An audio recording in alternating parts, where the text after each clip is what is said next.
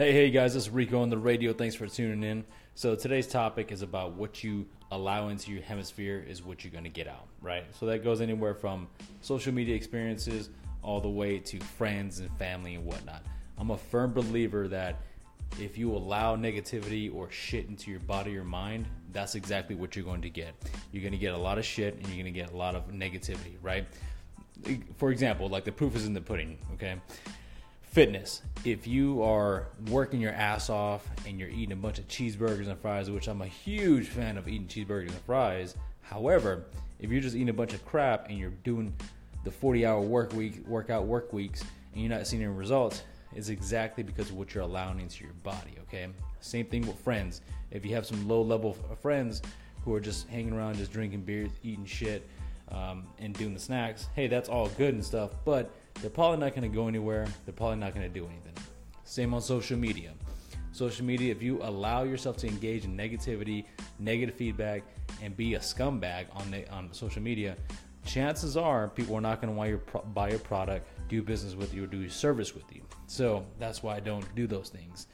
So the reason it's important to kind of allow and and kind of monitor what's going on in your life is the quality of life, right?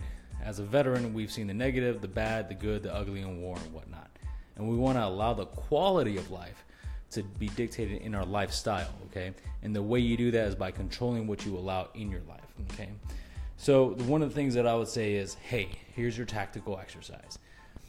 Look at your friends. Look at your lesser friends. If you want to be a certain around of uh, around of a certain income, like a million dollars, do all these friends of yours equate to a million dollars? And as shallow as it is, do they or do they not? That's the question. Number two, are they successful?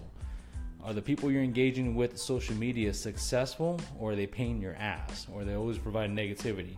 You might have to adjust fire on your behalf to make sure you're producing positivity versus negativity. And number three, look what you're eating throughout the day. Is it eh, steak, eggs, and veggies?